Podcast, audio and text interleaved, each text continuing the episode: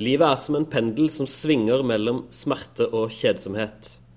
Ordene tilhører den tyske filosofen Arthur Schopenhauer, som dagens episode skal handle om. Mitt navn er Stian Bringsvær Olsen. Jeg har utdannelse og interesser innenfor bl.a. journalistikk, kunsthistorie, malerkunst, fotografi og skattejakt, og jeg skal være dagens programleder. Velkommen til Autodidakte dialoger. Første gang jeg hørte navnet Schopenhauer, var da jeg gikk på folkehøyskole i Bergen i 2003. Der hadde en filosofilærer som med stor iver foreleste om denne berømte filosofens dystre livsanskuelser, og lidelse var det store stikkordet. Livet er lidelse. For et menneske består tilværelsen av nederlag, skuffelser, sykdom og død. Og midt oppi dette driver vi mennesker og jager etter glede og lykke en jakt som er dømt til å mislykkes. Men, og dette kommer vi tilbake til, Schopenhauer kunne tilby en utvei. Det er omtrent sånn jeg husker filosofitimen fra 2003. Denne læreren ble senere undertegnedes kollega og kompis, og nylig medsammensvoren podkastmaker. Han heter Aksel Hansen og har sin faglige bakgrunn fra nettopp filosofien, jeg lurer til og med på om han skrev sin masteroppgave om Arthur Schopenhauer, men jeg kan huske feil. Det som i alle fall er sikkert, er at Aksel hadde en litt sliten og uflidd hannkatt oppkalt etter den gamle grinebiteren Shoppen blant venner. I forrige episode snakka vi om maleren Edvard Topper, og i dag skal vi altså bli bedre kjent med den store pessimisten Schopenhauer. Grunnen til at jeg har ønska meg Schopenhauer som dagens tema, har naturligvis sammenheng med Aksels store fascinasjon og dessuten må jeg innrømme at jeg stiller meg litt tvilende til at mitt liv og min måte å møte verden på kan bli noe bedre eller rikere av å være så opptatt av all verdens lidelse. Selv har jeg tvert imot hatt stor glede av å lese positive bøker om motivasjon og flyt og selvledelse og mestring. Eller har jeg kanskje misforstått hva Schopenhauer egentlig mener? Og hva var det da egentlig denne utveien som han tilbyr? Og var det ikke et eller annet med at han var opptatt av buddhisme? Hmm.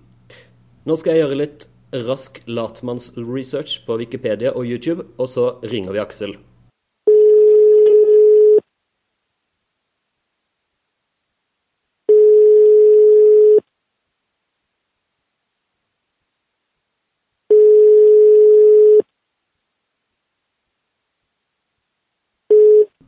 Ja, hallo, ja. Hallo, Aksel. Det er Stian her. Er du klar for å lage podkast? Hei, Stian. Så koselig. Jeg, jeg er jo kjempeklar. ja, det er veldig bra. I dag skal vi snakke om shoppen òg. Det jo, må jo være et av dine favorittemaer. Ja, ja jeg, har jo, jeg, har jo, eh, forventninger til det. Vi, snakket, vi nevnte vel så vidt også på, på den første podkasten vår at uh, temaet skulle være Schopenhauer denne gang. Ja, så du har hatt uh, flere uker å glede deg på? Jeg gleder meg, jeg gleder meg hele tiden. altså Det blir så spennende. Og jeg vet at du har lest deg godt opp også. Vel, eh, nå er jo heldigvis eh, du eksperten her. Hva har du gjort i dag for noe, Aksel?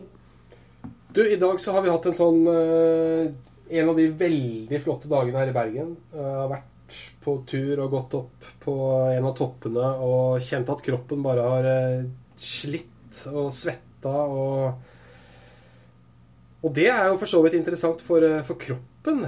Altså den, den, har mye makt over oss, og, og, og det sier Schopenhauer også ganske mye om. Ja, Det var en planlagt lissepasning til deg, dette her, ikke sant? Det var en planlagt lissepasning. ja. I Gøteborg så har det ikke vært uh, like bra vær, men uh, desto bedre å sitte inne og skulle lage podkast. Første gangen jeg hørte navnet Schopenhauer var i 2003. Da var du lærer på Folkehøgskolen i Bergen, der jeg eh, var elev. Og var med på en av dine filosofitimer da du snakka om Schopenhauer. Og det var et eller annet i hans tankegods som, eh, som fanga meg på et eller annet vis. Jeg ble veldig mm. nysgjerrig, nysgjerrig på det. Du, du, evne, du er jo flink til å formidle oss, selvfølgelig. Men uh, det var et eller annet med Schopenhauer som, uh, som, uh, som festa seg. Og så har det selvfølgelig gått i glemmeboka siden. Mm. Men når vi nå skulle lage podkast, så tenkte jeg at det kunne være et veldig interessant uh, tema å, å gå inn i på nytt. Så kunne du nå helt til starten gi oss litt rask biografi om uh, Arthur Schopenhauer? Ja, det kan jeg kan jo også si at uh, det var Schopenhauer som jeg skrev min hovedoppgave om. Da, så, så det var ikke uten grunn at jeg brukte han på folkehøgskolen og hadde forelesning om han. Det, jeg syns han var, var, veldig spennende på den tiden, og jeg syns fortsatt han er spennende. Uh, så det var han du skrev hovedfagsoppgave om? Ja, det var det. Jeg, jeg sammenligna han med en annen filosof, men det kan vi komme tilbake til seinere. Han var en tysk filosof, uh, født i uh, 1788 i det som i dag er Gdansk. Han var jo et barn av opplysningstida og Immanuel Kant, som var hans store, store filosof og hans forbilde. Uh, men det er klart, han, han hadde ingen lett vei til filosofien, for han reiste rundt i Europa med familien sin på tidlig 1800-tallet, og faren var en for så vidt ganske formuende handelsmann og ville at Schopenhauer den junior skulle inn i den samme verden. Mm. Eh, men faren bar nok på en bagasje som eh, var ganske spesiell. Så allerede i 1805 så tar faren selvmord. Og Arthur, som nok skjønte at dette med handelsvirksomhet nok ikke helt var noe for han, eh, klarte å få moren til å gå med på at han kunne leve litt av den arven som faren eh, etterlot seg, og begynte helt andre studier eh, innenfor filosofi. Nå skal det sies at han og moren, Johanna, de eh, hadde nok ikke et enkelt forhold gjennom, gjennom livet. Så, så, Arthur Schopenhauer ble tidlig voksen og aleine ganske kjapt. Og så skrev han sitt hovedverk som ble utgitt i 1818. 'Verden som vilje og forestilling', som vi kjenner den på norsk. Eh, da mente egentlig Arthur Schopenhauer at han hadde gjort seg ferdig med filosofien. Da hadde han løst eh, metafysikkens problem. Altså han hadde på en måte beskrevet hvordan verden var skrudd sammen, hvordan mennesket var skrudd sammen. Og kunne bare ikke skjønne hvorfor ikke folk leste verket hans. Han fikk ingen oppmerksomhet. Og selvfølgelig, det koster jo mye da, for en ung mann og liksom En arrogant ung mann å bare merke at uh, folk er ikke interessert i det han har skrevet. Mm. Ja, og da kommer vi jo fort inn på lidelse, som er det Hvis man skal destillere Eller hvis jeg skal destillere innholdet av hva den uh, forelesningen du hadde da i 2003, så er jo lidelse hvis man skal koke ned til ett ord, så, så, er det lidelse. Jeg husker jo veldig godt uh, sommeren etter. Da var det jeg og en til som hadde sommerjobb på den samme folkehøgskolen. Og vi malte ditt hus, for du bodde i en lærerbolig uh, som tilhørte skolen. Og da husker jeg vi sto på stillaset der og malte husveggen. Og så kikka vi inn vinduet, og der satt du og drakk kaffe og koste deg med din hovedfagsoppgave, mm. som da var om Schopenhauer. Mm. Ja, det er helt riktig. Og da, og da der, eh, der, og da så, så tenkte jeg at uh, den situasjonen du var i der jobba som eh, lærer på folkehøyskole og satt her og drakk kaffe og skrev. Skapte et, uh, et slags et begjær hos meg til å Det der, det har jeg også lyst til å ha. Mm. Og jeg har skjønt at begjæret er viktig hos Schopenhauer. Ja, tenk bare hva du følte når du stirret inn vinduet da, ikke sant. I en situasjon som du kanskje ikke syntes var optimal. da, sånn Male en skoleboligs yttervegger hvitt. Mm. Men jeg husker du kom bort til, du kom bort til vinduet, da, så åpna for oss, og så husker jeg du serverte oss kaffe. Ja, jeg var såpass snill, altså. Det var veldig ja, du var veldig snill. Men om jeg skal prøve å oppsummere det du sa på den uh, forelesningen, hvis, uh, hvis, jeg kan uh, prøve å gjenskape det, mm. og med litt sånn hjelp fra det jeg har nå lest på Wikipedia og YouTube, en mm. lynforberedelse, så sier Schopenhauer at mennesket vil alltid ha et begjær som man eh, Det er to mulige utfall. Enten så oppnår man det man eh, jager etter, og selve jaget etter det er lidelse. Eller så oppnår man det ikke og fortsetter å søke det, og det er òg lidelse. Hvis man er så heldig å oppnå det, så opplever man kanskje en liten lykkefølelse en veldig kort periode, før, før det erstattes av kjedsomhet. Som igjen så dukker det opp et nytt begjær. Han uh, sier at uh, alltid vil være en mangel i livet. Man vil alltid finne noe nytt som man, lyst, som man uh, ønsker å oppnå i livet. Hvordan var det til oppsummering, Aksel? Jo, jeg syns det er en fin oppsummering. og det var vel, altså, Litt av utgangspunktet mitt for å interessere meg for Schopenhauer var vel den gjenkjennelsesmekanismen i det også. Altså, mm. Jeg tror vel de fleste av oss vil oppleve at det stemmer til en viss grad. Altså, mm. vi, er en, vi, er i en, situasjon altså Vi er kastet inn i verden på en sånn måte at vi eh, kikker oss rundt, og så tenker vi at ja, men det kunne jeg tenke meg. Det har mm. jeg lyst til. Mm. Kan, kan, ikke jeg finne på noe sånt? Altså, mm. vi, vi, jakter på, på, noe som skal fylle vår mangel. For vi opplever at vårt liv har en eller annen viktig mangel. Og så er vi på jakt etter å fylle den mangelen, som du kalte begjær.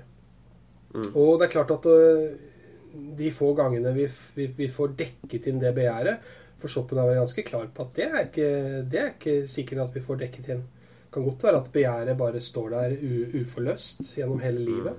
Men av og til så får vi dekket inn, f.eks. gjennom kjærlighetssituasjoner og forelskelse, eller det er jobbsituasjoner, det kanskje handler om øh, at man har lyst på en øh, ny bil, ikke sant. Altså det kan være hva som helst. Ja.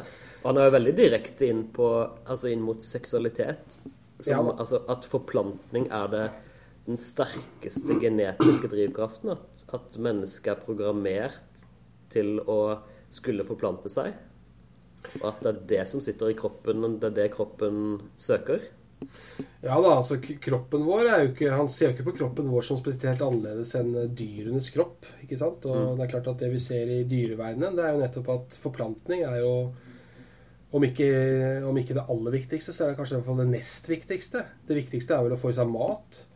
Mm. Men, eh, men, etter det så tror jeg nok at, eh, at, eh, at det er forplantning. Og, og, og, for, og for, for Schopenhauer så er jo nettopp menneskets kropp et poeng mm. i seg selv. Altså Schopenhauer er jo en av de aller første til å, å si, påpeke at kroppen er helt vesentlig for å forstå hvordan både verden og, og mennesket henger sammen. Altså, kroppen er jo en samling av lemmer og armer og bein og alt mulig, og den er vår egen. Men samtidig så er den til stede i en verden som nettopp er eh, satt sammen metafysisk av den viljen som Schopenhauer mener konstituerer vår, eh, eh, vårt liv. Så, mm. så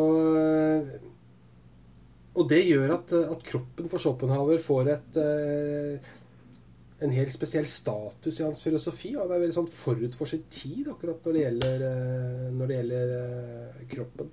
Mm. Så, så, du kan si mye, mye for Schopenhauer handler rett og slett om å tilfredsstille kroppen. Mm. Ikke sant? Altså Hvis man har tilfredsstilt kroppen på, på en måte, så, og, og, klarer å, å, være i en situasjon der begjæret ikke tar overhånd, så, så vil, så vil eh, tils, ja. en tilstand av fred eh, kunne være mulig å oppnå.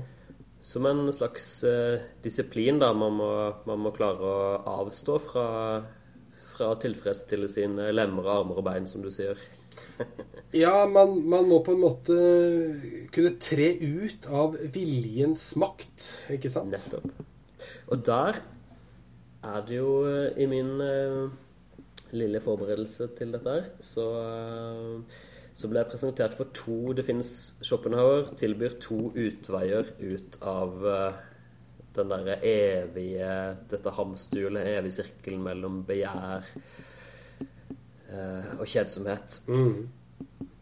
Og nummer én Han tilbyr to utveier. Nummer én det er å bli munk, altså buddhistisk munk. hvor man eh, i sitt mentale overskriver den måten kroppen er programmert på. Altså man, man trer ut av alle de behovene man, man har. Og den andre handler om å gå inn i kunst og filosofi. Stemmer det? Ja, det stemmer. Jeg har lyst til å legge til en, jeg holdt på å si, en, en treningsnøkkel når det gjelder Du sa Munch, og, og det er helt riktig. Men det, det munkene trener på, er jo meditasjon. Mm. Så det er jo på en måte holdt på å si aktiviteten som Schopenhauer lærte seg. Og han er jo en av de første filosofene også til å påpeke viktigheten av østlige retninger. Mediterte Schopenhauer? Det vet jeg faktisk ikke om han gjorde. Jeg skal være helt ærlig, så er jeg ikke helt sikker på om han gjorde det. Altså. Men, eh, men han er iallfall en av de første som bruker Han bruker Vedanta-bevegelsen, som er en, en, litt sånn særegen del av buddhistisk, eller hinduistisk egentlig, tradisjon. Og beskriver veldig mye av de øvelsene de gjør, nettopp for å avlaste viljen, eh, den makten den har over vårt vår kropp og vår fornuft og vår forstand. Så, mm. så, det er det ene. Og det andre, som du sa, er kunst. Han var veldig glad i kunst. Altså Schopenhauer har skrevet masse bra om kunst. Veldig glad i musikk, veldig glad i litteratur, veldig glad i eh, billedkunst. Fargelære var en uh, ting han skrev litt om. Ja, han, uh, han, kritiserte jo Goethe sin fargelære. Altså Det var mm. Goethe som først, uh, som først ga ut sin fargelære. Han møtte Goethe i ung alder og ble veldig fascinert av Goethe. Og Goethe trodde han hadde fått en disippel i, i Schopenhauer. Så de holdt eh, lenge kontakt. Og så skrev altså Goethe sin fargelære. Og da skriver Schopenhauer tilbake igjen til Goethe eh, en ganske hard kritikk av Goethe sin fargelære. Etter det så ville ikke Goethe ha noe med Schopenhauer å gjøre. Han tålte ikke kritikk. Hvor var vi nå? Nei, dette her eh, det sier litt om, eh, om Schopenhauer eh, sin, sine måter å se veien ut av lidelse og kjedsomhet. Kunsten er Altså, han var veldig opptatt av kunst, og han skjønte at det å bedrive kunst, det mm. handlet om noe helt annet enn kroppens krav til hele tiden å få tilfredsstilt sitt begjær. Yeah. Samtidig så så han at den østlige filosofien hadde skjønt veldig mye når den fortalte mennesket om at du må finne en måte å, å tenke gjennom eh, noe helt enkelt for å slippe unna begjæret. Mm.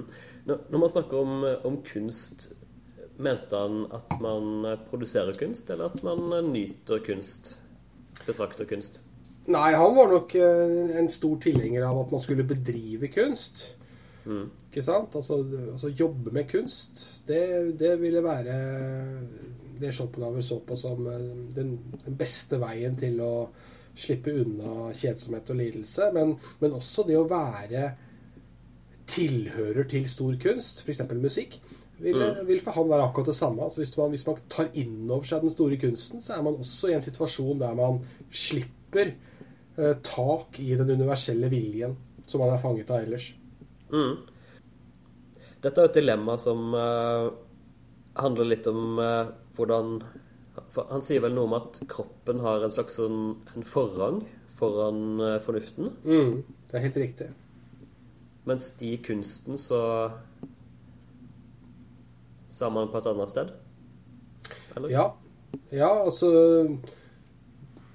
det som er interessant med det du sa først, altså at kroppen har forrang for fornuften, er jo nettopp at mm. Eh, fornuften for Schopenhauer er i stand til å etablere en forståelse av hvordan verden er skrudd sammen. Altså Han kan si at når han jobber med sin metafysikk, så er han på en måte i, i en slags sånn fornufttilstand. Mm. Men når han lever sitt liv, yeah. så hjelper ikke fornuften hans noe særlig i det hele tatt. Altså, da, da, har kroppen en, en, så stor plass i hans liv at, at, er, at, det er der man må begynne å leve sitt liv. Man kan ikke leve den i en, abs, en abstrakt fornuftsverden. Det går ikke, sier mm. Schopenhauer.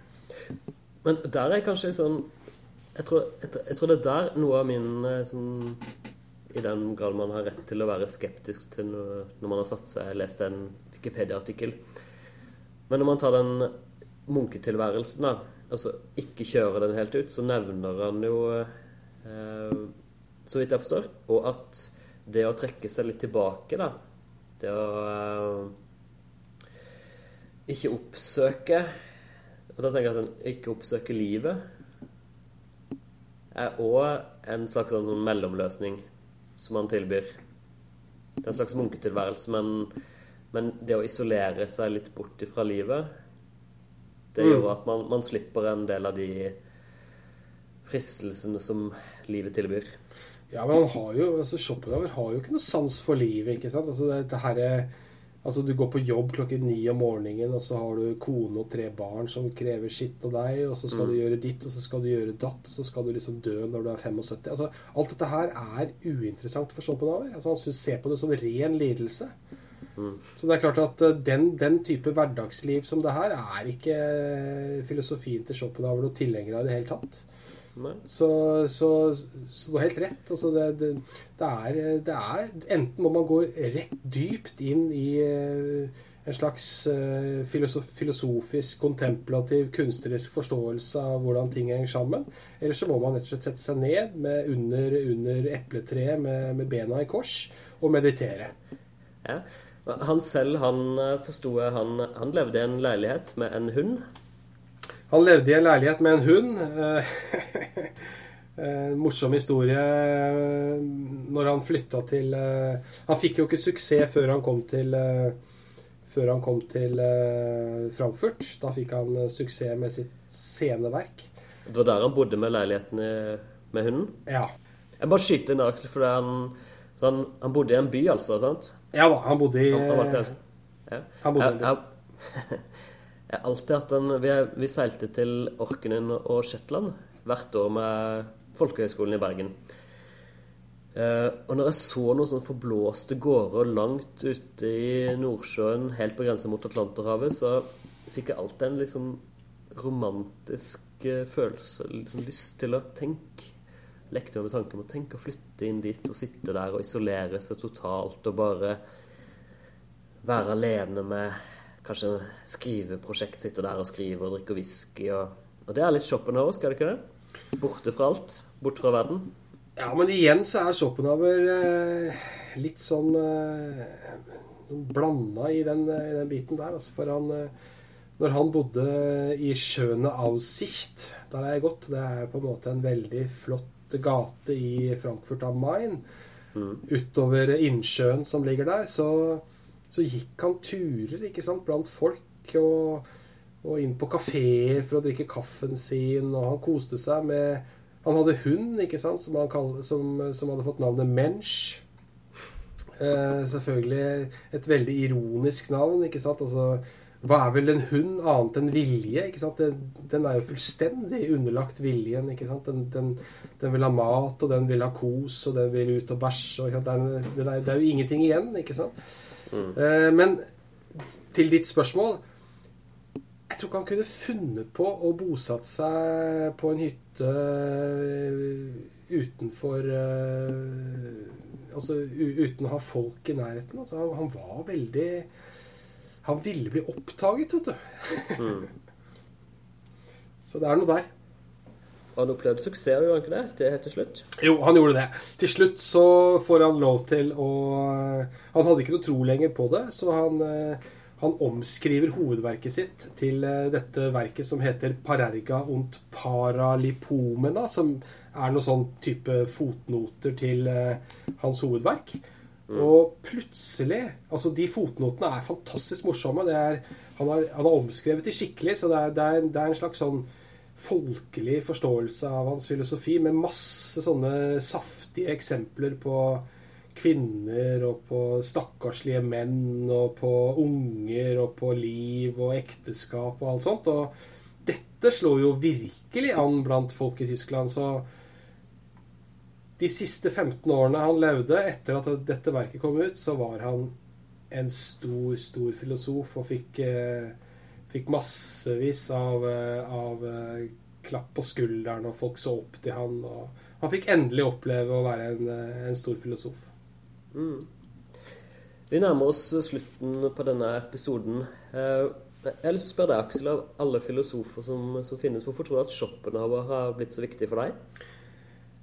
Jeg tror det er en blanding av at han uh, har skrevet uh, så saftig som han har gjort. Så veldig, Han har et språk som er helt eksepsjonelt. Og samtidig vært opptatt av ting som jeg har vært opptatt av. Altså vært opptatt av kunst. Han har vært opptatt av uh, det i livet som er vanskelig. Lidelsen, disse tingene her. Og, og har hatt et blikk for at vi er ikke bare fornuft. Vi er kropp. Vi er begjær. Vi er mangler. Og, og samtidig så hadde han et vanskelig liv selv, og, og det kan man jo trives og like og kjenne seg igjen i. Mm.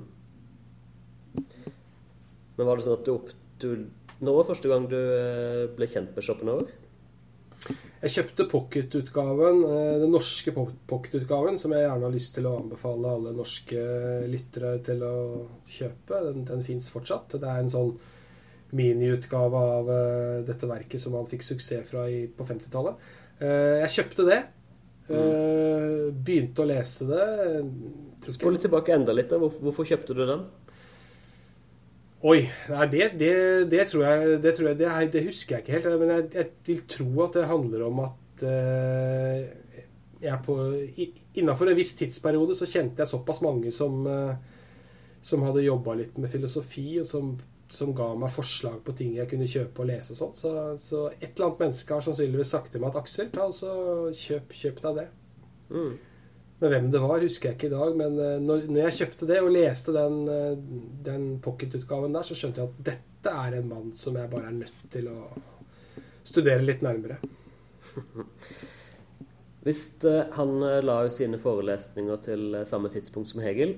Og hvis man eh, forestiller seg at dette var eh, et moderne eh, på et universitet i dag, og du uh, fulgte en av hans forelesninger og skulle ta heisen etter, uh, etter forelesningen, og du havna i heis med Schopenhauer, er det en situasjon du ville like å være i?